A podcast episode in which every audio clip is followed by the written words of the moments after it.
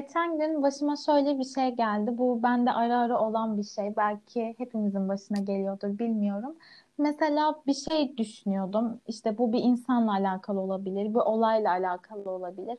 Ee, onu böyle e, haksız ve kötü yorumladığım zaman mesela bardak düştü ve kırıldı ya da kolumu bir yere çarpıyorum ve şey diye hissediyorum yani ben şu anda haksızlık ediyorum o insana, onun o olaydaki durumuna haksızlık ediyorum. Bu benim yaptığım yanlış bir düşünce.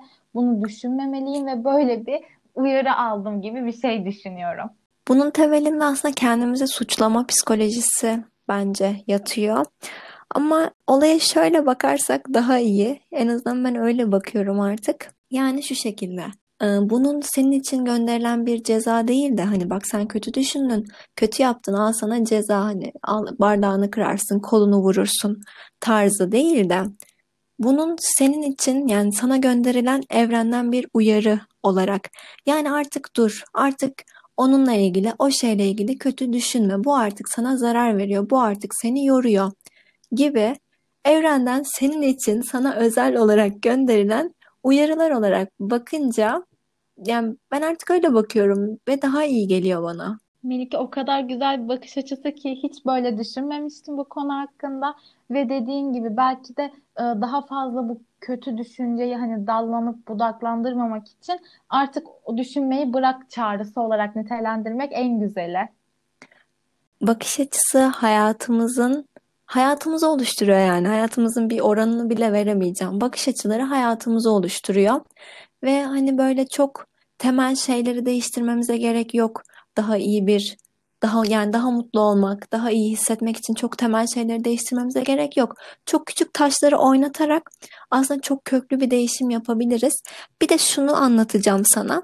Birisiyle konuşuyordum. Böyle ileride evime yani bir evim olursa şu şekilde dizayn edeceğinden bahsediyor. Böyle düz renkte şeylerde. Çok böyle süslü şeyler istemiyormuş. Diyor ki çok basit zevklerim var benim diyor. Bir şaşırdım yani sen hani neden basit diyerek basitleştiriyorsun? Sade şeylerden hoşlanıyorum ya da minimalist bir tarzım dese aslında çok farklı bir boyut değil mi? Kesinlikle öyle. Yani bir konuda çünkü ya neyi çağırırsak bazen seçimlerimiz de o yönde gider. Yaptığımız davranışlar da öyle olur ya. Dediğin gibi sade ve minimalist demekle basit diye indirgemenin hayatımızdaki etkisinde bile inanılmaz fark vardır bence. Aşırı fark var ya. Bir kere basit kelimesi kulağa bile güzel gelmiyor.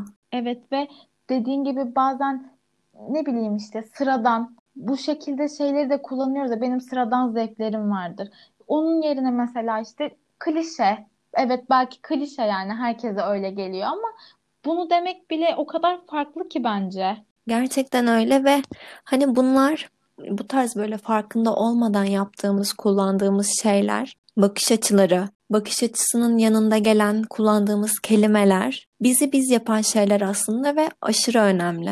Kesinlikle öyle. Umarız e, böyle bu küçük taşları yeniden oynatarak da büyük değişimler yaşayabiliriz. Evet, umarım. Bir farkında olmadığımız şeylere bakalım o zaman. Aynen öyle.